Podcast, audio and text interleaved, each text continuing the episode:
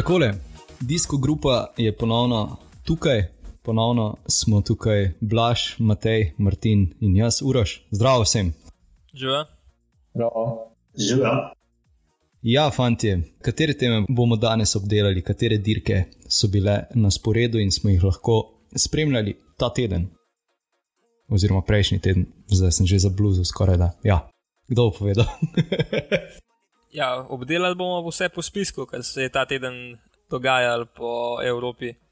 Um, tako da, ja, bila je etapna dirka uh, po Kataloniji, pa uh, belgijske enodnevne dirke, se pravi uh, Depan in pa E3, pa še včerajšnji Gentwevel Game. Predlagam, da začnemo kar z, kar z Katalonijo.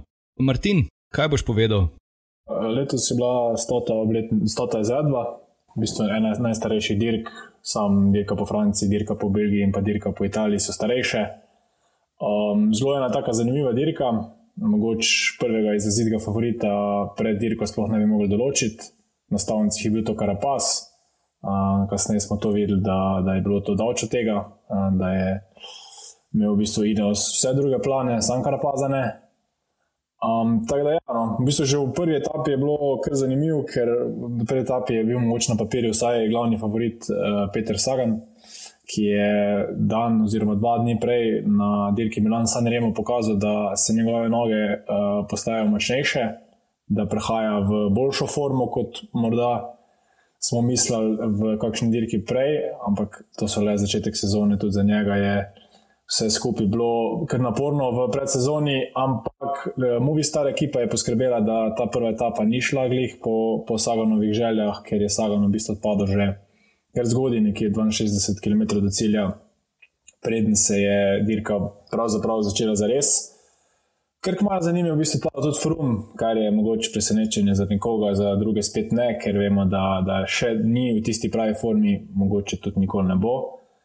Uh, Kasneje se pa v bistvu tam nekje do, do 25 cilj, km do cilja ne dogaja nič kaj pretresljivega, neki, neki sicer napadal, malo se trga, sama dirka, tudi naš uh, Matej Mohorič je bil parkrat v teh uh, poskusih pobegov, enkrat je malo večja skupina sicer ošla za par sekund, ampak je bila prevelika, da bi, bilo, bilo to, da bi lahko uspela. No, tam 23 km do cilja, pa v bistvu četverica uh, se je odcepila od glavnine in to so bili Sanchez, Kron, uh, Rojas in pa Kemna. Uh, in v bistvu takrat se je že začel malo taktizirati, Kemna je lahko nevaren tudi za generalno razvrstitev, Sanchez je šel verjetno poetapno. In um, zato se je tudi glavnina malo približala, ampak vse ni, ni jim uspel uh, ta, ta beg uloviti. In v samem sprintu je bil dejansko kron močnejši kot pa Sanchez, čeprav je Sanchez veljal uh, pred začetkom sprinta za nekakšnega glavnega favorita, ker ima najbolj neke renome v tej četverici. Uh, in dejansko, ja, Andreja Skron, uh, presenečenje, prvi štart uh, World Tour dirke, prva etapa prva zmaga in v, v, samem, eh, v samem intervjuju po dirki je bil res eh, brez besed, no, ni znal spraviti pet besed eh, od sebe, ampak čisto razumljivo, ker je dejansko res vse presenetil. V zadnji pa pol Dion Smith dobil šprint preostalih članov. In pa Mohorič tako za njim na spet drugem mestu, oziroma šestem mestu v etapi, nekako eh, zaključil to prvo etapo. Kulsko. Je zdaj Movi Star je mogoče mogel malenkost pokazati takoj na začetku, da so to, eh, da so to španske ceste, pa se malo postaviti na čelo, pa, pa narediti nekaj, da se, da se pokažejo. Mene osebno tisti eh, frum, da je odpadel, ni ravno posebej presenečalo, oziroma posebej presenetilo. Ampak ja, uh, že prej smo, sicer, ko še nismo snemali, rekli, da je Mohorič bil dejansko aktiven od samega začetka. Ne? Um, ja, v bistvu Mohorič je pokazal, da je ta moment uh, zelo, zelo agresiven, zelo si želi narediti rezultat, um, kar je pokazal pa tudi v naslednjih etapah, skozi je bil aktiven, skozi je bil zraven, probava je na vse možne načine. Uh, in v bistvu, ja, že prvi dan, šesto mesto je kar dober rezultat bil. Um, ja, kar se pa tiče Movistarja, tukaj so, ja, mislim, da predvsem hotel malo pokazati mišice. Um, predvsem tam, ker to ni bilo treba, sploh pol, ker se je pa bejk odpeljal, um, jih pa kar naenkrat ni bilo nikjer več. To je tako, spet zelo zanimiva taktika, ki je um, mogoče malo nerazumljiva, ampak ja, uh, recimo, da vem, vejo, kaj delajo. Um, tako da, ja, no, uh, ena presenetljiva zmaga, res mislim, da za Andreja Sakronevo po resnici uh, priznam, da uh, prej nisem kaj dosti vedel o njem. Tako da me je ta zmaga kar presenetila, ampak ja, kot sem rekel že prejšnji teden, jaz zmeraj vidim, da zmaga kakšen tak mlad, nepoznan ne, ne kolesar. Um, tako da ja, jaz smo tole res prvoščen. Ja, jaz uh, moram reči, da nimam pojma, kaj je delo, mogi star se verjetno noben ne ve. Kar so naredili, je bilo pravzaprav to, da je potem razpadel sistem. Dovolili so te pobege uh, in kemno spustiti pobeg, če pa recimo, da lahko navadam za generalno. Uh, druga stvar, ki me je presenetila, pa uh, ne, nisem se več pozanimal, kaj je delal Rohan Denis. Ne? Pa če eno etapo pred kronometrom, človek paše, mislim, da dve minuti. Naslednji dan bi lahko v bistvu majico obleko. Um, njega ni bilo nikjer. Če bo če kdo ve, kaj o tem. Um, ja, jaz nekako sklepam, da je vseeno hotel prevečevati tisti, tisti mečken moči za, um, za kronometer in uh, ja, ste s tem nekako pač palati in je pač nekako računal, da bo naslednji dan lahko šel na etapno zmago. Zdaj tista majica, ki bi jo nosil en dan za Ineos, mislim, da ta zga pomena ne bi imela, kot so pol na koncu v bistvu. V generalnem seštevku bili visoko ta majica na tem kronometru, če bi jo dubo, ne bi neke hude vloge igrala. Tako da ne vem. Mislim, da je bil to razlog, da je on v bistvu spustil. Ja, tudi majica je prav lepa. Ne? To je res. Se strinjam. Zavedam se zdaj, da vem, kakšno majico bomo videli. No, uh, belo z eno barvo. Ki... Denis je dejansko imel majico po pikah, ne? če se ne motim, v eni od kasnejših etap. Nosilec je bil, ja, ker je. Mislim, nosilec, ja. Ampak bili so ja. dejansko trije. Trije so imeli isto točk, trije so imeli deset točk, ne dejansko Kron, Jejc in uh, oziroma Almeida in uh, dejansko uh, Denis. To ja, je zelo zanimivo. Tak, tak, odkot zdaj Denis majice. Vem, da pač kronometer ne šteje, načeloma noč za pike. Zakaj ima zdaj on? Ne vem, ne bi vedel. Ne vem, kako je bilo, imajo ni čudno, imajo tudi klasifikacije tako v bistvu. ok, ok, bam. okay. Ja, druga etapa, kronometer, kratek kronometer. Denis je tu pol uh, razturil vse, lahko rečemo. Uh, mene je presenetil Almeida. No? Takrat, ko, ko sem videl, da je Almeida prišel čez, eh, čez ciljno črto, sem se v bistvu te, na tebe spomnil, Blaž, ko si ga dejansko uh, napovedal za zmagovalca, pa sem si mislil, je bentiš. Ne?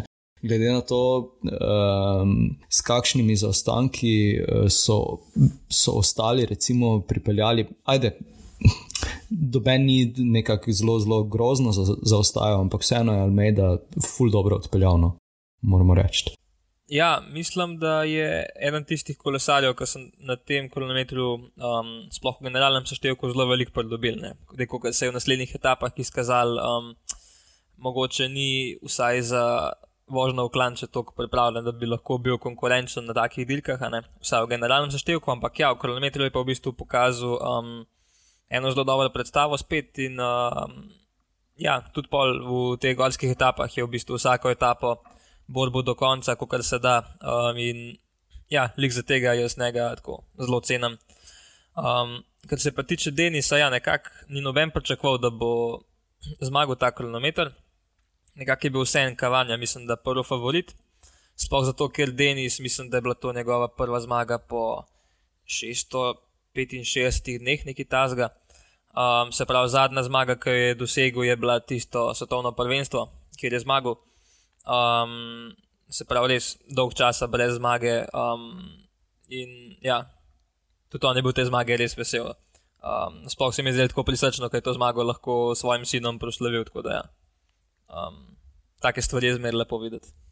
Definitivno.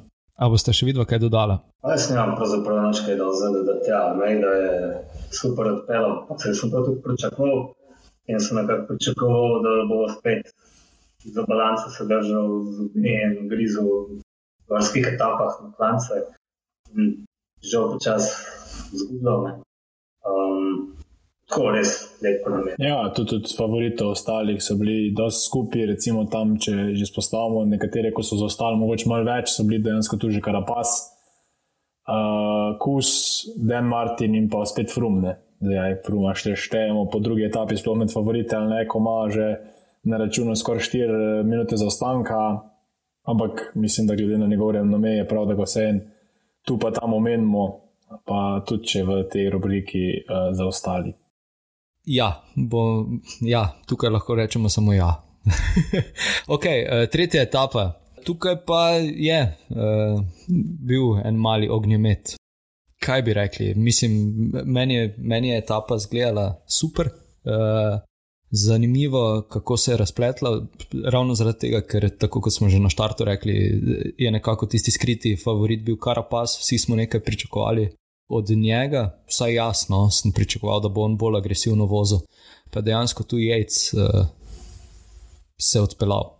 Ja, mislim, da smo mi vsi malo pozabili na enega jajca. No. Um, na vse zadnje je bil konkurenčen, oziroma približno konkurenčen pogačar na UAE. Um, tam se je odlično pelal, bi skoraj rekel, da je za pogačarjem in rogličem krmet najboljšimi za, za GC, ne? se pravi za skupni seštev.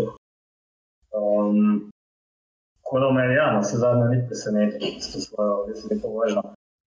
Uh, Čaves, no, je bil mogoče večje presenečenje, čeprav vemo, da je dober. Je po, po mojem šel mečkom prepozen, mogoče niso bili čisto odločeni v Bike Exchangeu, a bojo vzeli na njega ali na Simona Jajca. Um, na koncu res odlično odpeljal. Pa mogoče bi še sepa kusal omenil, um, ker mogoče se je malo pokazal, da mu manjka ta instinkt za liderja. Ja, mogoče, mogoče enostavno ni dovolj močen. No, Kris Horner je recimo rekel, da je to neko prekletstvo domestika, ker dobi proste roke, načeloma ni v tisti res vrhunski formi, gre na neke derke, kamor pač ne gre videl. Um, in kot drugo, da mi je bilo še posebej zanimivo, pač vse pokusov manjka en set kusne. Pomagal v, teh gorskih etapah in res je redo, ne z prav svojim, ampak vemo, kako je z njim. Ja, je pa Valverde eh, poskrbel, da so se spet eh, srca špancev, uh, malo hit, malo hit, da so srca malo hitreje zabila, ali kako bi temu rekel. S tistim napadom, uh, 8 km do, do vrha. Jaz sem že mislil, da bo šlo tisto. No. Za trenutek se mi je zdelo, da bi pa celo mogoče uh, mu uspelo, no. tako bom rekel. Ja, Valverde je eden od njih kolesarjev, ki. Uh, ne vem, če bo kdaj šli v penzijo. V bistvu, še zmeraj njegov način delikanja je isti, kot kar pr, ko smo prej rekli, pr Almeidi, se pravi, tako agresiven, skozi bo grizo napadal, če se bo le dal. Um, in ja, tukaj je nekako poskušal, um, zdaj mogoče ta moment ni čist konkurenčen, ampak um, jaz mislim, da bo lahko še zmagoval. Še, še to sezono, se pravi, da ga ni še, ni še kar tako za odpisati. Um, me pa zelo zanima, na kakšen način so tukaj v bistvu um, pri Neosu zjutraj na avtobusu uh, določili, kdo bo kapetan. Ne, ne, so to res na tak sistemu, pač, kdo se bolj počuti za tega, bomo delali, ali so se sproti etap, um, tekom etape menili, um, kdo bo pač kapetan. Tako da ja, to me nekako zanima. Uh, Hkrati me pa tudi zanima, kje bi na tej etapi končala, recimo, Rogič ali pa Pogačar. Ne, to je še en tak vprašanje, ki upam, da bomo na njega dobili odgovor um, na dirki po Baski, ki bo tudi tam precej močna konkurenca. Definitivno. In nič, uh, skočimo kar na četrto etapo. Um, tukaj pa 9 km do cilja, uh, Krojzvik napadal v svojem stilu, uh, 15 sekund, uh, pa je potem bilo to. to. Neka, nekako, ne vem, eh, mislim, mogoče bo kdo rekel, da ga cel čas eh, kritiziramo ali pa kritiziramo ali pa kakorkoli, ampak res mi ni točno jasno, kaj, na kak način eh, on meni, da bi, da bi lahko izpeljal te svoje eh, napol napadeno. Se mi zdi, da pač ja, ok. Kemna, bil v pobegu, uh, tisto je bilo kar tudi uh, zanimivo, da so ga spustili. Ne? Ja, evo, kam nas spet še en teh kolesarjev. Um, mislim, da je bil v večini etap v begu, uh, kot sem videl. Uh, na koncu smo tudi ta etapa zmagati. Um, in ja, taki kolesari so zmeraj zelo nepredvidljivi, kar se tiče generalnega seštevka. Ne? Zmeraj se lahko nekako um, odpele, oziroma neka se mal grupa zakalkulira v narekovanju tempa in se pa v bistvu ta kolesar odpele in lahko v bistvu spele tudi generalno zmago. Lik zato um, so prepoznali, ja, da je ta zga kolesarja uh, mal zamerkati, um, tako da so ga imeli nekako na, na kratkem povodcu, da ni šel predaleč. Um, pa pa ja, na zadnjem usponu, tam 7 km do cilja, napade uh, Čavez uh, in na koncu, ja, 7 sekund uh, pred Michaelom Bucom pripelje čez črto kot zmagovalec. Za Čaveza moram reči, da je eden mojih najljubših kolesarjev v, v pelotonu, že od takrat, ko je zmagal svojo prvo etapo na Vojlti. Um, je še eden teh kolesarjev, ki so zmagali tudi, tudi, tudi Delavenil, se pravi, je že v mladih letih kazal zelo velik potencial. Um, tudi za generalne seštevke, potem takrat od Džila, pozabil sem zdaj, katerega leta, takrat, ko ste skupaj z jajcem pripeljali na etno, um, ko imamo neko alergijo, od takrat naprej nekako ni več v tisti zmagovalni formi. Um, ampak ja, um, lahko pa da se vrača in zdaj, pr, mislim, da v 30 letih lahko nekako začne svojo drugo tekmovalno pomlad. Tam je bilo zanimivo dejansko, da so in Kemlo in Kruisi, ki recimo se jih niso spustili zdaj v beg, da bi rekli, uh, se bo ta imela preveč prednosti, ampak vseeno sta bila recimo relativno blizu, ne? tam bila sta na pod minuto in pol zaostanka okoli 15. mesta oba in to je bilo, to je bilo kar zanimivo videti. No? Uh, vsekakor pa zaključek, pa ja, Čavez, Čavez je pokazal, da je že večkrat smo rekli, no, te atraktivni kolesarji, jih ni več tako veliko ampak Čavez je definitivno eden izmed njih in popestrijo tako dirko. Čeprav mogoče za njih vemo, da na dolgi rok na, na GC ne bojo v vrhu, ampak v takšnih etapah pa lahko naredijo dirko tudi zadaj za GC um, pretendente, nekako bolj zanimivo. No. In to, to je dobro videti, no. da ni dejansko dolgočasna dirka do, do kilometra pred ciljem, ampak da se že tam nekje po desetem kilometru začne vse skupaj malo bolj razvijati in je tudi lažje gledati nam iz kavča. Ja, to je nekaj novega, kar se dogaja v zadnjih dveh letih. Se mi zdi, da so te mlade kolesarje podbudili tudi vse ostale, no, da jih več ne padajo. Ja, recimo, lih, um, lih zanj sem bral en članek o tem, um, ki so rekli, da mogoče je zdaj konc tiste dolgočasne uh, sky dobe, ki je v bistvu na vseh Grand Tourih so nekako narekovali tempo čez vse klance, dokler niso vsi ostali odpadali in je ostal samo njihov kapetan. Um, tako da ja, mogoče zdaj te, tega obdobja res konc in bomo gledali borbe podobne iz časov Pantanja in podobno, ne? te nekako uh, zlate dobe kolesarstva, kako se reče, samo pač predvsem bolj čiste, kot je bila takrat. Ja, čeprav jih, da te dirke so spet učitali, da so da je spet vozil te svojih najboljših let, kar je res ne, se smo videli, ampak um, je bilo tudi uspešno. Ne? Je res. Uh, je pa še bomo o tem mogoče kaj še na koncu rekli. Je pa tudi res, da sta manjkala prva dva kolesarja v cilestvice.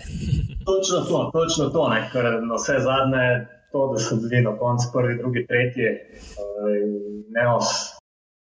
Če več pove tudi o konkurenci, ne kot o yes. njihovi premoči. Ne. In to, da noben od njih ni bil Egan Bernal, recimo, ne. Bili so trije brez Bernala. Kor manjkala sta Pogača, manjkal je Roglič, uh, tudi mogoče, ne vem, tako se neko Egan Bernala, to ni bilo. Ampak dejansko od teh, rečemo, pa zdaj bo se ga doslišali drugo kategornikov, pa dejansko so potem inos tisti. Ne? Tu ni zdaj, ne bi jaz tu postavil Romana Bardeja ali pa Tiboja Pinoja, ampak nekoga od Tine Osama. To mislim, da tudi eh, Robič in Pogače se zavedata, da glavna nevarnost za njo bo, bo pretila, poleg drug, drugega, seveda, uh, iz ekipe Ineos. Ampak tam pa ne veste, kdo, kdo od njih bo dejansko ali na Turu, oziroma kjerkoli se bosta pomerila um, glavni konkurent. Tako da to bo še zanimivo videti. Ja, ampak sama dinamika dirkanja se spremeni, če imaš noče, ne vem, enega godoja od RDŽ, uh, pa um, vem, več kolesarjev, ki pač poskušajo um, zmagati, poskušajo z napadi. Ne. In cela dinamika je drugačna, teže je dirka, teže je nadzirati dirko in uh, bi imel in jaz verjetno tudi več težav. Mislim pa, če se je eh, to obtoževanje ali pa to, da so jim potem uh, rekli, da so, da so ponovno postavili tisti vlak, ampak mislim, sej, uh, vsaka ekipa bi ga, če bi, če bi uh, varovala majico vodilnega, pa če bi seveda bila toliko močna. Ne? Mislim, se, če si zaradi mene se postavi spredaj, ne? če si toliko močen pač ne eh, tako nonšalantno rečeno, ampak dejansko je, je to res. Ne? Mislim, da zaradi mene lahko tudi eh, Frances Dežu narekuje, ne? ampak menim, da ne more. Ne? Mis, to je pač moje mnenje. No? Mislim, vse drugi so bolj krivi za to, da je ne spredaj vozi, kot pa je ne sam. Točno to, točno to. Mogoče okay. je šlo tukaj ja. za očitke, bolj v luči tega, da je, da je Braille Sport lani po Džiru v nekem navalu navdušanja, ker so zmagali s to res napadalnimi vožnjami, napovedal nek novi neos. Pa je to še vedno stari ne. če ima ja, ni več narobe. Mislim, da se spet po drugi strani, uh, se ja, tako, tako kot si rekel, ravno, ravno zaradi teh njegovih izjav je mogoče prišlo do tega, ampak po drugi strani pa zdaj, recimo, če bi pa kdo iz uh, Ineosovega vlaka napadel, pa to ne bi bil jajc, ne, pa bi se spet spraševali, varovati bi mogli majico, voziti bi mogli. Pač, ja, nikoli nismo zadovoljni. to je življenje nas, kaučarjev.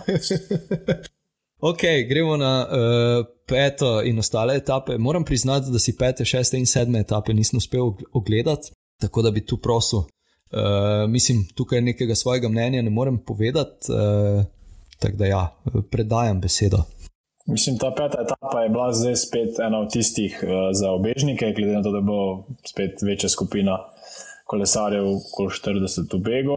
Uh, Kavanja je v bistvu tam začel eh, nekako dirko delati zanimivo, ki, ko se je uspel nekoliko eh, oddaljiti, Reichenbach in pa Biskara, samo pol predružta, ampak tudi tam, tam že ni bila več razlika tako velika. Uh, in v bistvu iz tega dela se pa potem napade spet Kemna, uh, res mm, ogromno, ogromno dinamita je imel v nogah v teh etapah, zadnje pa še potegnil v bistvu Verono in pa Krisvika.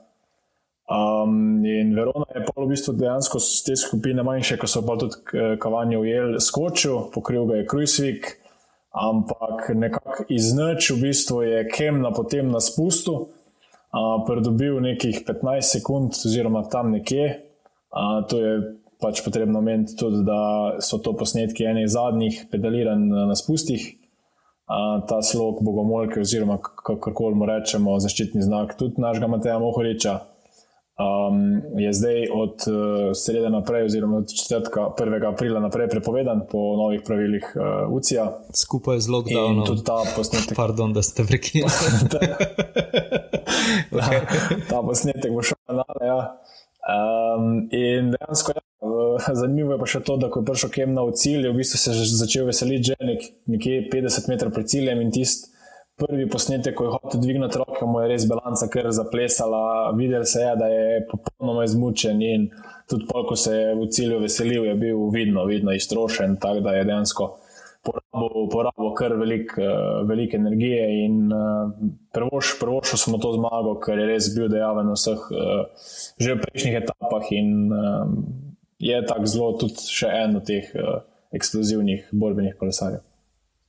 Um, Ja, v bistvu ta, um, ta zadeva, da so v bistvu kolesari tako zmatrani, da ne morejo tudi rok dvigati, um, niti ni tako redka. Ne? Recimo, Remi Kavanja se ga spomnim, mislim, da dve leti nazaj na dirki po Kaliforniji, uh, tisto leto, ki je Pogačar zmagal, um, je bil res, mislim, da 60 km je bil solo v Begu um, in je imel že na spustu zelo težave. Se pravi, od vsak uvink je šel tako nerodno, da ga je bilo res boleče gledati, uh, tako zelo nesigurno se je spuščal. Ne, pa, um, Kar smo zdaj ugotovili, ni zato, da bi imel pač težave on spusti, ampak je bilo samo to, da je bil zelo utrujen. In tudi na koncu, uh, ko se v bistvu čez črto zapelo, je najprej prvo obe roki dvigant, pa je v bistvu skoraj padel, pa se je pol odločil, da bo rad dvignil samo eno roko. Ne? Tako da, um, ja, to, je, to so take situacije, kako lesari res dajo vse od sebe, da, v bistvu, da je to dvigovanje rok nekako sekundarnega pomena. Ja, potem pa je prišla šesta etapa. Uh, nekako smo ga, smo ga zelo malo omenjali, kljub temu, da je bil skozi celotno dirko zelo aktiven. Torej, tukaj je bil Mohorič del uh, petčlanske ubežne skupine. Kaj se je še vse drugega dogajalo? Ja, jaz mislim, da niti ni imel ta beg nekih realnih možnosti za uspeh, glede na to, da so se očitno želeli pri uh, Bori Hans Groje. Uh, mogoče blažna debelca, večkrat um, negirati, je prejšnji teden govoril o tem, da so najboljši časi Petra Slagana, želimo. Ampak moram tudi blažno zagovor pač povedati, da Slagan uh, ni imel neke zelo močne konkurence s Petrjem. Belgiji, tako da je imel mogoče večkrat lažje delo. Uh, zato da je pač letos večkrat prej zmagal, kot je to lani uspel. Uh, ja, točno sem vedel, da te bo to zmotil. Uh, sem že takoj, če četrto zapeljal vsak, sem rekel, ah, tole mi bo zalal zdaj le naprej vrgo, točno sem vedel. uh, ampak ne, vse, kot ja, um, sem rekel, njegovi najboljši časi so jim. Ne bo več petkrat zmagal etape na turu v, v enem turu, ampak uh, ja, kakšne posamezne etape lahko dobi, lahko še dobi klasike in tudi take dirke. Uh, jaz sploh ne dvomim, da bo še zmeraj lahko zmagoval še kar nekaj časa. Ja, pa sploh, eh, sploh če pogledamo konkurenco, recimo drugi, Dari Limpi, tretji, uh, Juan Sebastian Molano, to niso kolesari, ki bi um, v najboljših letih niti mal skrbeli Petra Sagana, tu pa recimo je suvereno zmagal, ampak vse ni bil, ni bil v začetku šprita, da bi pa vsi dali hišo na to, da bo, da bo Sagan dejansko uspel zmagati. Je pa zanimivo, spet brez nekih lidov to bilo tu.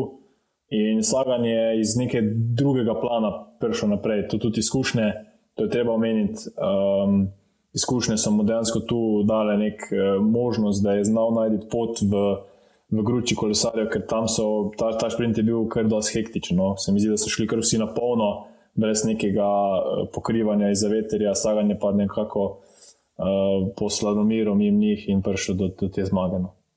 Ja, za Mohoriča pa, pa čestitke, tu je pač poskušal, dobil je tudi nagrado za najbolj borbenega kolesarja na tej etapi, ampak tako je Matej rekel, ta etapa je bila izgubljena, ko, ko se je zadaj na, na, na, na čelo pelotona postavi Bora, pa UAE in uh, vse skupaj ni bilo, ni bilo, ni bilo možnosti. No. Mi je bilo pa všeč, no, da je, mislim, da na Instagramu uh, Mohorič mirno napisal, da je ne uspel, ampak uh, je še ena etapa, ne, in ste že napovedal, še en bet, ne, no, ampak on je bil vedno pogumen. No. no, in potem je prišlo do sedme etape, kjer sta Degent in Mohorič uh, uspela zbežati glavnini. Uh, sicer se ni izteklo po, uh, po pričakovanjih oziroma po željah uh, Mateja, bil je, mislim, tudi vidno potrt. Kaj bi še lahko rekli? Kaj je še bila kakšna posebnost v tej etapi? Tako kot sem rekel, jaz, jaz teh etap res žal nisem spremljal, tako da nekega svojega mnenja ne morem uh, povedati. Jaz predvsem mislim, da je kar dobro doteral Degent. Zgleda je slabšno, kot Mohorič, ampak meni je bilo malo sumljivo, kako se počasi spušča, ne, on ni se spustaš po krvem. Um, Pustil je pa vsakeč na spustu Mohoriča, da se mu je tako konkretno odpeljal. Um, nisem nekaj naprezal, Mohorič ga je potem vsakeč mečkam počakal, da ste šla uh, skupaj naprej. In vse je kazalo, da tam degent zgublja ogromno energije, ampak potem, ko je treba v zadnjem krogu, se mu je skupaj noro odpeljal. Jaz sem si um, par sporočil izmenjal potem uh, z Matejem.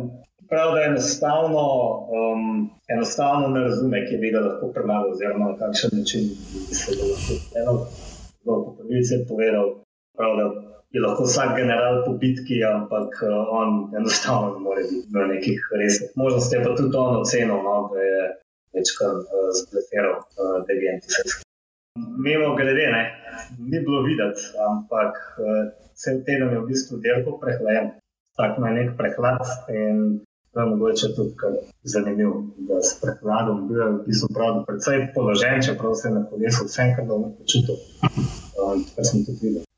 Mohorič, ja, tukaj ga je po domač povedan, da je nažalost naš ponov, ja, kako koli že.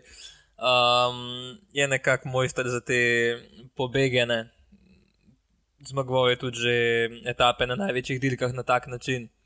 Um, tako da, ja, mislim, da Mohorič je pa v bistvu iz te dirke lahko potegnil to, da um, ima še zmeraj ta instinkt, nekako ve, kdaj mora biti zraven, kje je kakšna taka situacija, ki bi se lahko izšlo. Um, tako da, jaz mislim, če bo enkrat 100% zdrav v kratkem, lahko tudi poseže po najvišjih mestih. Martin, ti si še nekaj prej želel povedati? Uh, Degent, Degent je v bistvu stari maček uh, za te pobege in ja, to blefiranje, mislim, da mu ni tuje, ni ne prvič, ne zadnjič, da je se tudi take taktike poslužil. Predvsem pa zanimiva je bila slika, mislim, da je Prometej tudi na Instagramu objavil, da je um, dejansko na spustu bil Mohorič popolnoma, uh, popolnoma dominanten, uh, medtem ko pa v klanec je pa dejansko degen zgledal vsaj deset let mlajši od njega, dejansko poskočen. Tu se je vedel, mislim, vedel, uh, če, ne, če ni Matej uspel na enem od spustov, da z veliko razliko narediti, bo, bo nekako v zadnjem krogu degent našel na, na, na klancu neko moč. In, na našo žalost se je to na koncu eh, izkazalo za, za resnično. Ja, res je. S tem se je potem dejansko končala uh, dirka po Kataloniji, tako kot je že prej Matej rekel. Prvo mesto uh, Adam Yates, drugo mesto Richie Port in pa tretje Genen Thomas. Še kaj rečemo pod črto o dirki, je to to? Ja, mogoče to, da mu je star, evo, spet, spet so ostali brez zmage so se pa lahko potovali s četrtim mestom v VDA. Še huje, no, eh, niti v skupnem seštevku niso zmagali. Pa to sem želel vprašati, ja, če so bili najboljša ekipa. Je pa ne, zaradi tega, ker so bili spredaj tri iz Ineosa, pa tudi Bike Exchange so bili zelo visok.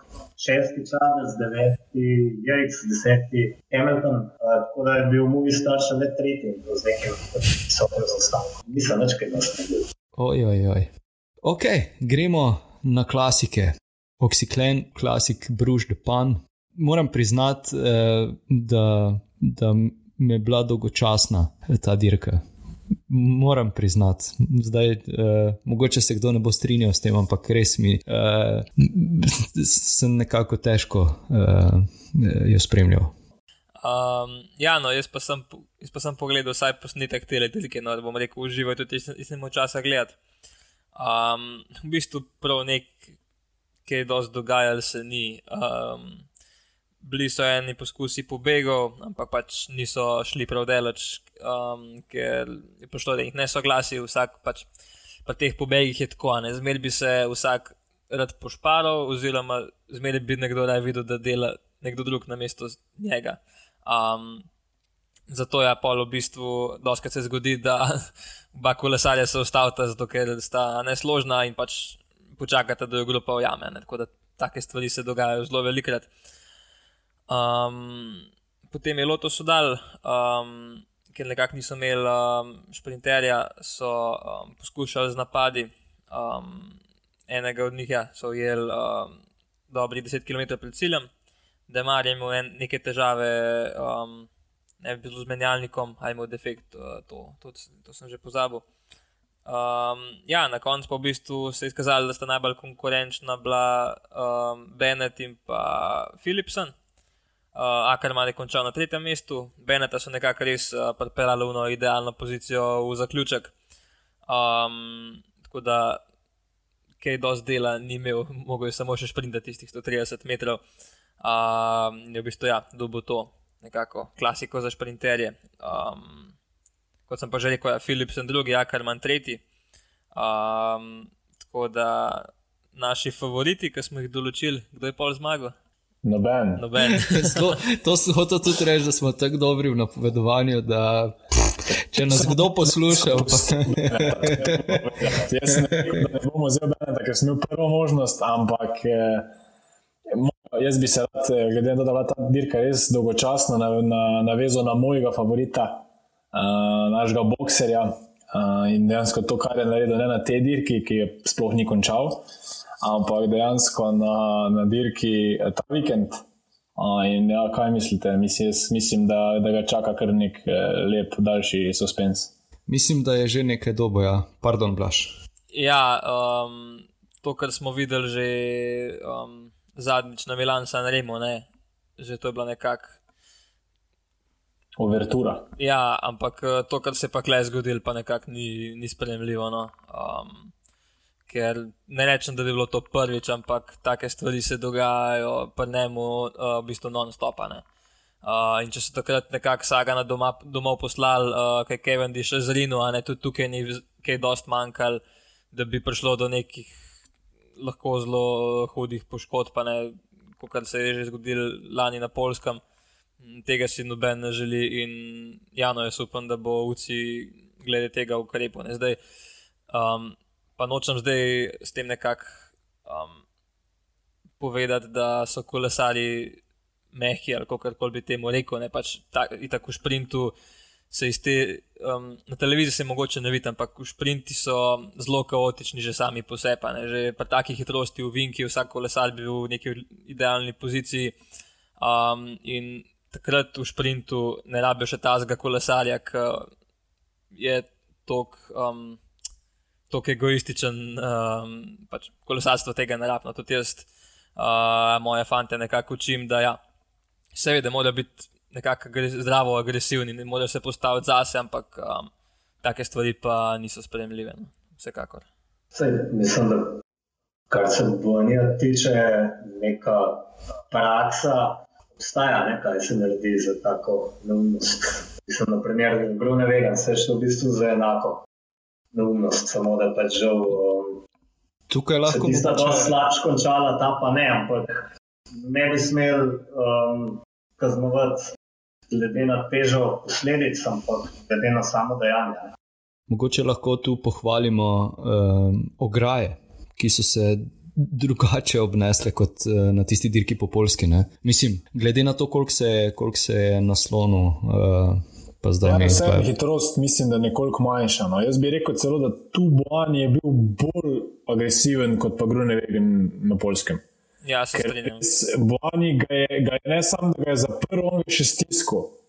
Nažalost je res uh, Jakobsen s prvim stikom z ograjo poletel čez njo, ampak tam je, tam je tudi nekako uh, uh, Grunewegen vsem bil v nekem drugem položaju. Tu je pa Bojani res šel, niti ne bi bilo treba. Grunewegen se je mogoče malo dejansko umikal. Uh, Medtem ko je pa Bojani, ne, ne vem, sploh čistočno. In tudi to, da je v cilju, kot sem bral na Twitterju, uh, dosti nešportno napadel Stewarta uh, z nekim žaljivkim, oziroma da, da je ne. V glavnem, ne vem, to, to, to res ne razumem, ampak ja, mislim, da je Bojani več ali manj zaključil vsaj s to sezono, če ne še s kakšno naslednjo. In ja, to je treba izkoreniniti. Uh, bi se pa strinjal, da je bila dobra ograja postavljena. Ja, no, jaz bi sam še to omenil, da um, sem tudi z Žigo Jermanom spregovoril nekaj besed, kaj je tudi vozil to dirko. Um, in je rekel, ja, da je Buhani delo neumnosti tudi prej tekom same dirke. Um, tako da nekako, to je bilo pa sam še pika na i, kar je v zaključku naredil. Tako da ni, um, ne vem, tež, mislim, da je zelo, že tako je kolesarstvo dosti resno in ne rabiš imeti še tazga. Um, kolesarja v grupi. No. Poleg, ja, okay, no, še ne zanimivost, ne bohani, uh, vedno voz samo z eno košarico za bidon. Um, se pravi, um, mora imeti uh, neprestano zraven timete, da ga pač da mu nosijo vodo, uh, tudi hrane sam nima v žepih, tudi to mu drugi dostavljajo. Tako da um, jaz si ne predstavljam, da bi to bil nekak moj uh, kapetan, oziroma da bi mogel um, njemu pomagati. Jaz sem slišal, da je Beneta tako trebuh udaril, da je še na Hindvel vegnu bruhal. Ne, bedno. Ok, gremo raje na E3, Saxo Bank, klasiko. Ne da, bi, ne, da bi bil škodoželjen ali pa karkoli, ampak mislim, da bi internet eksplodiral, če bi, se, če bi se Quickstepu eh, zgodil uh, omlup iz leta 2015, uh, tam na cilju. pa vse kot pravim, ne da bi si želel, da, da kdorkoli izgubi, ampak to bi pa res, bilo, to bi pa res bil epski poraz, ne? da, da imaš tri spredaj, pa, pa se kdo prešprinta. ja, Movi bi verjetno uspeli. ja. Mogoče res. Ja, um, ja kot si rekel, ne, če je bila mogoče um, Bruž Depan nekako uh, dolgočasna, um, je bilo pa tukaj v bistvu pravo nasprotje. Ne, velik, dirka, na dirki se je veliko več dogajalo um, uh, in je bilo tudi ja, te klasike so tako zmeraj zanimive za gledati, um, sploh če kolesari naredijo še malo bolj zanimivo. Um, tukaj je bilo en kup enih napadov, mogoče tisti nekako najbolj. Um, v zadnjih kilometrih vsaj najbolj tak, uh, zanimiv, pogumen je bil um, napad Asgrena, ki je napadel um, ja, že precej daleč od cilja, pa so ga potem ujeli 12 km do cilja, se pravi v grupi, kjer so bili taki, precej, ko bi rekel, favoriti, od tega so bili um, Štibar, Senečal in pa Asgren. Torej, ko so ga ujeli iz Quickstepa, se pravi, so imeli nekakšno premoč. Um, in ja, tako premoč je nekako treba izkoristiti polane. In, uh, imeli so opcijo, se pravi, da če pride ta skupina do konca, nekako da bo se nešal sprintu, vsaj tako sem jaz nekako sklepal, ker vse en, mislim, da se eksplozivnosti tiče najboljši. Um, preostala dva, se pravi, Štivar pa Asgren sta pa nekako poskušala s temi pobegi. Um, sploh ja, za Asgrena tukaj mi je zelo zanimivo, se pravi, grupa, oziroma ta skupina ga je ujela. Um, ko ga je ujela, se je v bistvu postavil na začetku te skupine, ni dajal menjave uh, in je nekako v stilu, mora malo zadihati, pusti me, da vse pride mane in je dejansko to zelo dobro izkoristil. Uh, in ko je on napadel, so ga nekako. Zelo veliko je dosti, samo par sekund, da se kolesarji med sabo pogledajo. Um, in če ima pa kolesar še močne noge, pa nekako to že lahko kombinacija za zmago. In na koncu je tako tudi šlo. Jaz mislim, da je to najboljše dirko letos, no, za gledati. Predvsem to, kako je dekoren quick step idealno dirko. Vse se jim je poklopilo. Mislim, da je en blight v komentarju rekel, da če bi se na avtobusu zmenil, da bo tako dirko, bi se samo nasmehali. Pač ne, to se ne more zgoditi, ker njim se pač vse poklopilo. Um, vse je tako, kot mora biti. Tukaj bi rekel, da so uh, Patrika Lefebvra vprašali pred časom ali pred Dirku, kako sploh premagati uh, Vanderpula in Vanerta. In je rekel, da če so mili, bomo. Ne? Sliši se um, zelo lahko, ampak končno ona dva tako močna, da pride do te navadnosti. Da, če hočeš usamiti, bo se na koncu zgodil, da sta ostala samo ena ali pa dva, in nekaj stepa, ne, preden se znebiš njihovih uh, ekipnih pogledov. No, ampak, kot smo videli, so spredaj ostali štirje, pravi se našal Asgren, Štibar in Lampard, ki je imel, mislim, da defekt ali kaj, no, večkrat ne zaostal, potem to, da so res kaj novoče, ker dela tam. Uh, jaz mislim, da te nerke praktično niso mogli izgubiti. Tudi tako bi rekel, no, da sta Vodva Nerd in Vanderpool nekako žrtvi teh vlastnih uspehov, to vedno vidno. Ko ima nekdo tako premoč, vsi gledajo njo, oziroma njega, tega spremenčev, to se je dogajalo Petru Saganu, recimo, v svojih najboljših časih. Raje vsak zgubo dirko, kot da bi njemu pustil zmago. In zaradi tega sta bila prisiljena ona, da tudi največ dela ne, v tej skupini. Verjetno ne bi smela, mislim, da je Vaner priznal, ki je tudi s tistim napadom v bistvu skoči samo vse. To, to je tako, kar malo, skoraj malo amatersko je izgledalo. No. Um, pač odrezate. Uh, Asgrenov napad, uh, tisti, um, tisti pet km do cilja, vrhunski, vrhunski napad mimo tistega otočka, tista, tista je kar uh, finta zgledala. Je pa res eh, tam vanart, eh, tistih 20 km do cilja, pa se mi zdi, da je bilo ta, ne vem, kot da je tečen, da je na čelu tiste skupine, pa da zdaj bo ne, nekaj naredil, pa pol se zakalkuliral, ali kaj se je tisto zgodilo. Tisto je res, tako kot si rekel, eh, Matej. Mislim, na koncu je izpadlo amatersko, ampak ja, kaj čmo? Martin, bi še ti kaj dodal? Ja, ne, v bistvu se tu je, tu je bilo dosti povedanega. Van Ert in Vanderpol tu nista zmagala, kar spet me v bistvu po eni strani veseli, zato ker eh, tudi drugi dobivajo šanse, uh, po drugi strani pa kapo dol Asgrenu. Uh, dva napada, oziroma napad ga ujamejo in potem kontranapad iz začelja, popolnoma zadnji v skupini je bil, kot je bila še omenjena. In ja, zaslužena zmaga. In pa ja, v bistvu med prvih pet, tri je dekoni quick step med prvih šest, moramo tudi omeniti, konec koncev dva iz Aže do Zerja, uh, čeprav spet četrti in šesti, če se ne motim. Ampak ja, tudi Nasen in Vanaver Mat sta tu bila uh, zraven. Um, pa me zanima, kaj si vi mislite v bistvu o tej ekipi, uh, Citroen. Grde drese imajo.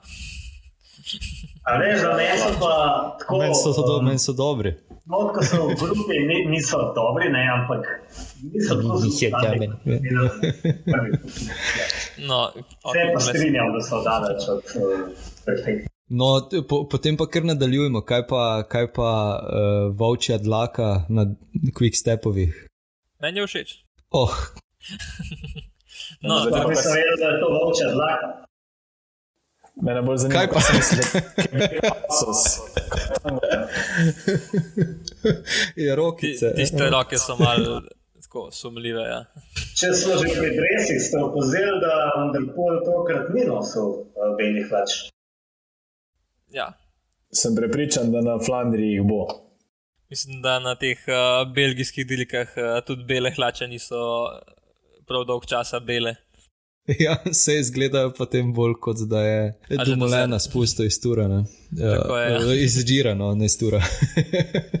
okay. uh, gremo na Gent. Nisem si mogel ogledati uh, tudi ne te dirke, tudi ne za nazaj, še nisem imel časa.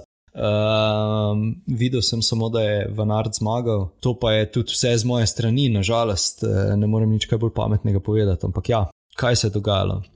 Ja, evo, še ena v bistvu uh, zanimiva uh, flandrijska delika. Um, v bistvu, ja, predvsej vetra je bilo na tej deliki. Um, in zelo zanimiv v prvi skupini, vsaj te, ki je na koncu prišla v cilj, uh, je bilo en kup sprinterjev, ne, ki nekako um, niso lih, da bi rekel, šolski primer um, favoritov za te delike. Um, ok, razen dva narta, seveda, ne. recimo Kolbreli in Nicolo, um, nekako niso spadali v ta ožji krok favoritov, um, ampak nekako so se znašli zraven, um, so izkoristili, zdaj Van Art je imel še uh, pomočnika, sprav uh, Van, Van Hojdong, če sem prav izgovoril. Uh, Kam je tukaj res zelo prav prišel, um, da je na nekaj klančkih imel malo težave, ostal malo v zadnji, ampak um, je na koncu uh, zborbo, da je vedno priključen nazaj zraven. In ja, mislim, da je bil on uh, precej zaslužen za to, da je Van Art na koncu zmagal. Um, ja, sam Bennett, a ne. Uh, v bistvu je bil zelo lepe možnosti, da bi zmagal. Uh, edini, mislim, da bi lahko zelo resno konkuriral Van Arto, ampak ja. Uh, zdaj, po informacijah, ki sem jih jaz dobil, um, je bila težava, da je preveč jedel tekom bilke, uh, ker je nekako probo um, s čim več energije prijeti v cilj, ampak uh, kot vemo, um, ob takih naporih, a ne sploh um, v kolesarstvu, um, nekako kri gre na mesto iz teh iz prebavil v noge, ker takrat noge porabljajo več energije kot prebavila, zato je prebava slabša uh, in se nekako ta sladkor ne razgradi tako, kot bi se mogel, in se zato um, pač pojavljajo take težave, ali bolečine v trebuhu, ali driska, ali bruhanje. In, uh, ja, tudi Benet je bil na koncu žrtev tega, ne se pravi, uh, na začetku je preveč jedel na koncu je to vse ven vrgu in uh, je bil prazen. In v bistvu to je bila nekakšna posledica, da, da je vsaj na koncu pa ni, bil, ni mogel biti konkurenčen. Ne, čeprav, uh, če bi se dovolj počutil, mislim, da bi bil precej nevaren. Mene je zelo žal, da te dirke nismo videli takrat, ko se je začelo v bistvu dogajati. Ne, to je bilo daleč, daleč pred ciljem. 180 km pred ciljem se je v bistvu zgodilo, če se vsi tako en quick step, verjetno ni želel. Uh, razbili so pa grupo Bike Exchange, ne? ki so bili potem tudi najmočnejši v tej uh, težni skupini. Če je tako en quick step No, je tri sakso bank, dirko perfektno, jaz ne vem, kaj se tukaj dela. Ne vem, no, da se jim odpelajo na ešalone, njim v Belgiji, ko rekoč doma, to je kar tako mogoče malo sramota, bi se sramota. Oni sami, po mojem, to tako doživljajo, mislim, da se jim to ne bo več zgodilo. Ni mi jasno, kako niso mogli ujeti, ali res niso mogli, ali so delali po tem principu, vse imamo enega svojega spredine. Vseeno, ena ta pač. Ampak ena ta ima težavo, on je šprinter. Ne? Um, in ne vem, če je vajen tako gledati 180 km skupaj, pravzaprav, mogoče tudi zaradi tega skušal preveč jesti. Ne vem, to so le špekulacije, ampak uh, na koncu te mislim, da ni to konc zgubo dirke, kot je pač rekel en quick step, slabo so dirkali. On je bil v bistvu svetla točka, naredil vse, kar, kar je lahko, ne. Očitno se je še preveč želel. Tako da to, no, mislim, da je bil kar highlight, da je tako en quick step to tako kapitalno, kapitalno skupaj. Ja, je bila, pa, je bila pa to v bistvu edina dirka, kjer smo, vsaj eden od nas, zadeli zmagovalce, zato bi na tem mestu vsekakor čestito Mateju za pravilno napoved. Se ta je bilo pa tako. Um, ne Vem, na koga boš postavil. Ja, mi nismo na njega. Ja, mi smo na druge stavili, zdaj ne vem nekoga. Ja. Jaz sem na tizem kot buha, recimo. Ja. Lemijo, ja, da mar, da mar, ne. Uh, Ures, nisi da mar, jaz postavil. Ja. Ne, Meni meni je zanimivo, on lani sploh ni dirkal v klasiki, in je bila neka teorija, da jih ne dirka zato, da je boljši v klasičnih šprintih. Zdaj pa vidimo v klasičnih šprintih, na etapnih dirkah, eh, ni pohve kaj, se je bil dvakrat, drugi letos, eh, še s tem zmagati. Dirka pa klasike, kjer mu tudi ne gre najbolj, zdaj bomo videli, da so me to postavili, ne, ne. Kaj bi rekli, sej, uh, mislim, nikoli ne moreš nič vedeti. Ne? Recimo, Blaž je uh, Sagana odpisal, tako da se, veš, se zmotimo. Šala, Blaž. Ok, uh, blizu ene ure smo, kaj nas čaka uh, naslednji teden. Pa, pa bomo potem še tiste, tisto včerajšnjo dirko, veliko nagrado Adrija Mobil obdelali. Ampak vseeno, gremo raje prvo na, na te dirke, ki nas čakajo v tem tednu. Ja, v bistvu začeli bomo kar sred tedna. Sredo je v bistvu dirka skozi Flandrijo, Dvarsdal v London. Um, tam bo uh, Vanderpol branil zmago, poleg njega pride tudi Žuljena La Filip, omenjeni Arno, Arno Demar. Uh, in pa tudi ostali, seveda, um, Bikoni Quickstepovci. Tu bo sta manjkala že potrjeno Mats Pedersen in Pascal Ackermann zaradi um, COVID uh, pozitivnih testov njihovih članov, so v bistvu dobili sedemdnevno karanteno in jih na tej dirki ne bo. Potem pa konec tedna, uh, dirka uh, po Flandriji, uh, brano bo zmago Vanderpoel, tu pa dejansko celotna sveta trojica, Van Ert, Vanderpoel, uh, Alafilip, prihaja tudi Fugelsang, Za Pedersna se zdaj še ne ve čisto točno, ampak jaz mislim, da tu bo že lahko nastopil. Uh, tudi Peter Sagan pride in bomo videli. Vsekakor bo zanimiv. Hkrati pa tudi ženska eh, različica, uh, isto v nedeljo.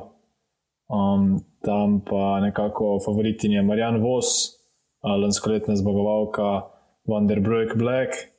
Uh, tudi uh, Lisa Longo Borgini, definitivno bi, bi znala biti nevarna, in pa seveda Anemik van Vluten. Uh, in tudi ženske bo zanimivo spremljati, um, ko se bodo udarili na, na, te, na te klasiki. Ja, in to derka čez Flandrijo ima žensko razliko. Tako je. Govorimo o enakih. Ampak v bistvu gre za to, da mislim, da če sem jaz prav zasledil, je dejansko uh, dirka po, po, skozi Flandrijo v ženskah kategorijo nižji, je prve kategorije, ni kao World Tour. Ampak možno, možno, možno pa, da sem narobe zasledil.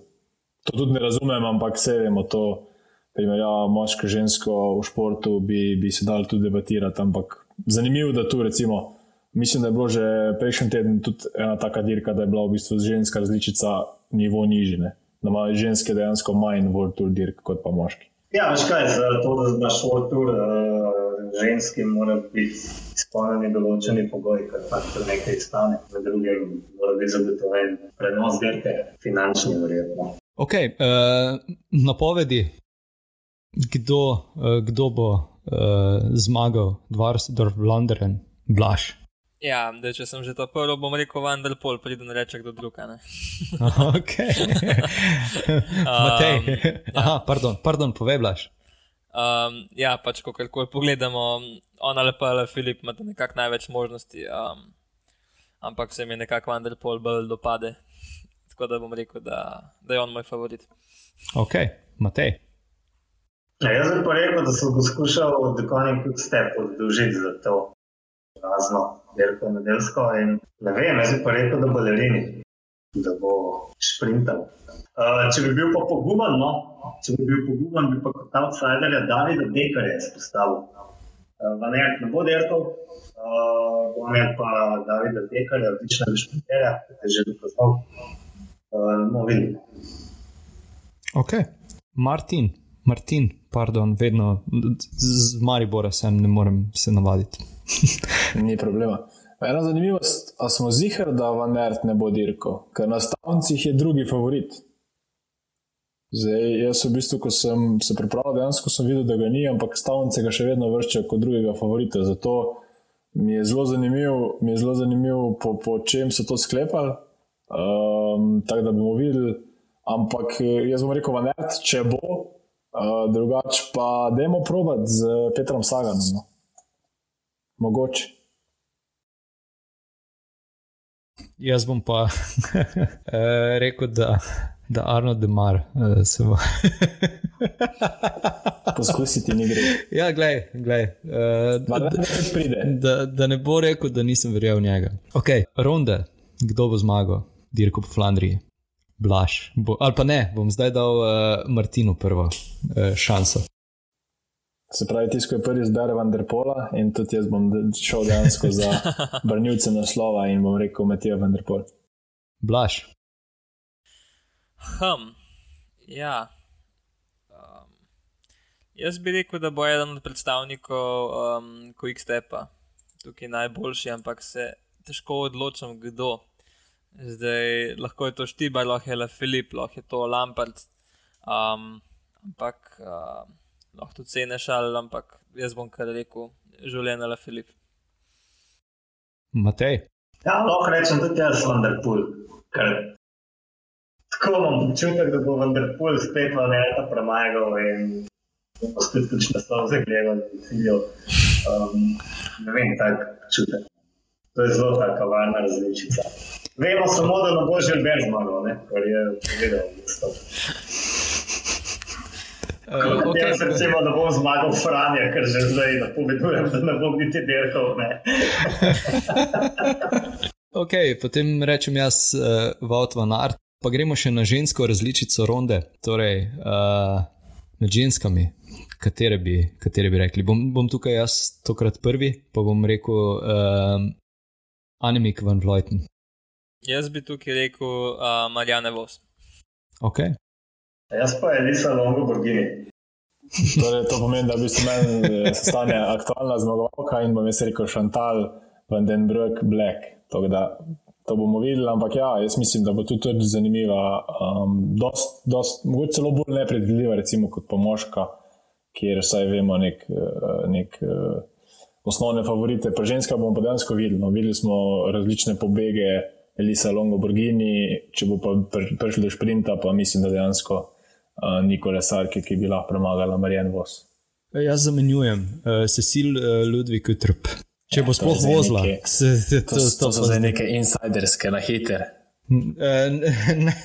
Moral sem pogooglati, oziroma eh, pogovor od Naju z, z Matejem, eh, poiskati, eh, s, s katero kolesarko bi šel na kavo.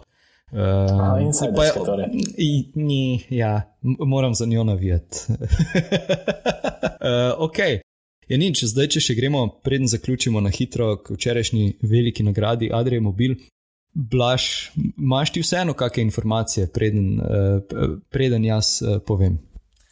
Um, ne, če če spod desnic povem, uh, mislim, da boš tukaj ti več vedel, kot kar jaz. Uh, jaz sem bil uh, včeraj. Uh, priklenjen na kavč uh, z vročino, tako da uh, nisem imel, nisem imel kaj dosti časa spremljati, uh, videl sem rezultate. Ja. Um, zdaj, iz, iz izkušenj lahko povem, ja, to dirko jaz sem tudi jaz vozil. Um, zelo nekako zahtevna. Uh, zdaj, ja, nekako, kakšen sprinter, ki, je, ki se vozi na klance, ki se zna na klance voziti, lahko tukaj pride, če ste uspone, ne, ampak.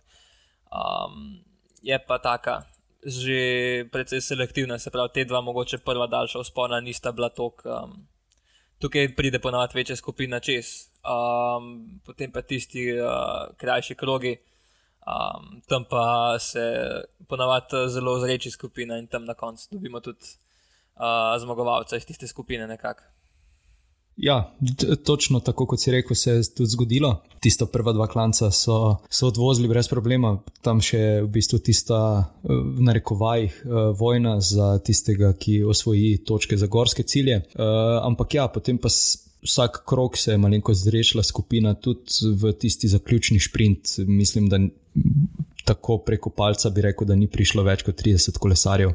Zmagal je Marin van den Berg uh, iz uh, v bistvu te razvojne ekipe Grupama Francis de Jeux, uh, drugi Filippo Fiorelli iz Bardjanja in pa uh, Adam Tupalik na tretjem mestu iz Kasper Elkov skupine prvi, oziroma najboljši uh, med slovenci je bil David Per na petem mestu iz Adrije. Nekaj, kolikor sem uspel videti, je bilo pritoževanja nad sprintom, ker so se tudi eh, tu fantje uh, malo prerivali tam na tistem malem klančku proti cilju. Ampak ja, v osnovi se nič kaj dramatično, zelo dramatičnega ni zgodilo, ni bilo dobenega paca, uh, kar je treba potrkati po lesu. Tako da mislim, z tega vidika zelo, zelo uh, varno speljana dirka, lahko rečemo. Nek odsek vmes je bil sicer malenkost nevaren, tisto se je videlo na, na video posnetku, da je bila zelo oska cesta, pa zelo slabo cestišče, ampak ja, k sreči, brez kakšnih pretresov. Drugače pa ja, klasično formiral se je sicer zelo pozno beg, šele, šele po, mislim, da 70 ali celo še več kilometrov komaj je prišlo do tistega pravega bega, kjer je bila pač obežna skupina sestavljena iz petih, šestih kolesarjev. Do takrat je vsak samo soliral spredaj, pa so ga kar hitro pokrili. Lahko rečem v bistvu samo, samo, da je bila super izpeljana dirka, pa da je vse potekalo tako, kot je moglo. Da to je to. No, to je meni predvsem to lepo slišati, ja, da je nekako dirka um, potekala mirno, brez nekih hujših pacov. Ne, ker, um, če primerjamo to s tistim, kar se je dogajalo um, prejšnji teden v Istri, um, tisto je bil res popoln kaos. Govoril sem z enimi parimi športnimi direktorji, uh, pa kolesari so rekli, da kaj tazga še niso videli.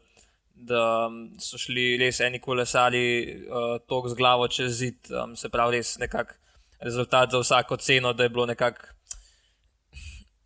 Mogoče se je mrzk, kakšen kolesar takrat zamislil, da se sploh splača nekako tvegati um, življenje za tistih par sto evrov. Um, tako da, ja, no, to je. Ja, jaz to zelo rad slišim, no, um, da, da je dirka potekala brez nekih takih hujših zadev. Definitivno, mislim, da je tu tudi, mislim, Ja, pač tu je toliko še, še šlo na roko vreme, da ni bilo kakega dežja ali pa če se karkoli, čeprav pač vseeno niso ceste toliko spolske kot tam v Istri, ampak ja, to je to. Kakšno vprašanje eh, smo pripravili?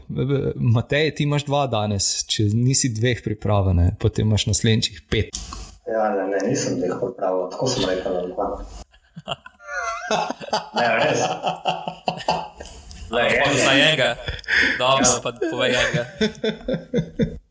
Sem pred dirko po Flandriji. Um, pred dirko po Flandriji, vemo, leta 1913 so prvič organizirali, zdaj je bilo 103 izvedbe. Pa vemo, kako je prišlo do zamisli za dirko po Flandriji. To je ena taka zgodovinska. Dobro vprašanje. To pa ne bi vedel. Ja. Čakaj, samo, samo malo da pomislim, če se bom spomnil. Da ne berete runde podrobno, ker tam so to pisali. Tudi kjer je tri kolesarje, so dobili vse tri spomenike, si napisal, pa sam nisi vedel, tako da je v bistvu. ja, to je tako zanimiva zgodba, se mi zdi, ker kot se za mnogo derk, kot pa ja za mnogo derk, tudi za Flandre podobno, da so se pravzaprav zmislili pri lokalnem uh, časopisu, ki se je imenoval Sport World. Uh, bilo je pa to obdobje, ko, um, ko so Flanci bili predvsej, um, ko so se Flanci še borili za svoj prostor v Belgiji in so bili tudi v kolesarskem smislu predvsej za francosko govorečim delom Belgije. In so zaradi tega, ravno, zaradi, uh, ravno zato, da bi malo poudarili svojo narodnost organizirali dirko po Flandriji. Potem skozi leta postala celo največja belgijska dirka. Zanimivo. So večja kot recimo Ližbo Stonler, za katero vemo, da je najstarejša. Zanimivo. Okay. Tako da, če vas kdo vpraša, kdo se je prvi spomnil neko dirko, ki se je odvijala tam na začetku 20. stoletja, gotovo je bil čas. Ja, zdaj, če smo že pri dirki po Flandriji, uh, imam jaz eno vprašanje, v bistvu, ki se nanaša na to. Vemo, da bo letos uh, Matijo Enderpol branil zmago. Zato me zanima, kdo je bil zadnji, ki je uspel obraniti zmago na dirki po Flandriji. Um, kančelar ali pa Tom Bonen. Jaz bi rekel Bonen. Ja. Jaz tudi mislim, da je bil Bonen. Ja. Bonen jo je obranil med leti 2006 in 2005, ampak Fabijan Kančelara jo je obranil leta, med letoma 2013 in 2014. Pravilen odgovor je bil Fabijan Kančelara. Bravo, Blaž. Um, ja, no, ja, jaz imam pa tudi eno vprašanje iz uh, Makedama, če lahko tako rečemo. Um, ampak mogoče malo drugačno, kot ste imeli vidva. Um, kje in kdaj je potekala prva dirka na slovenskem? Kaj na slovenskem, kot v samostojni Sloveniji? Ali... Ne, recimo prav v, v, v območju Slovenije. Ok. Sprav, od pač nasploh prva dirka s kolesi. Pojma nimam. Ok, no, da ne boste uh, pregoreli, bom rekel, povedal. Um, potekala je 1887 uh, in sicer na trasi od Šentvida do Ljubljane, sicer v dolžini 4 km. Uh, zmagovalec jo je prekolesaril s poprečno hitrostjo 25 km/h.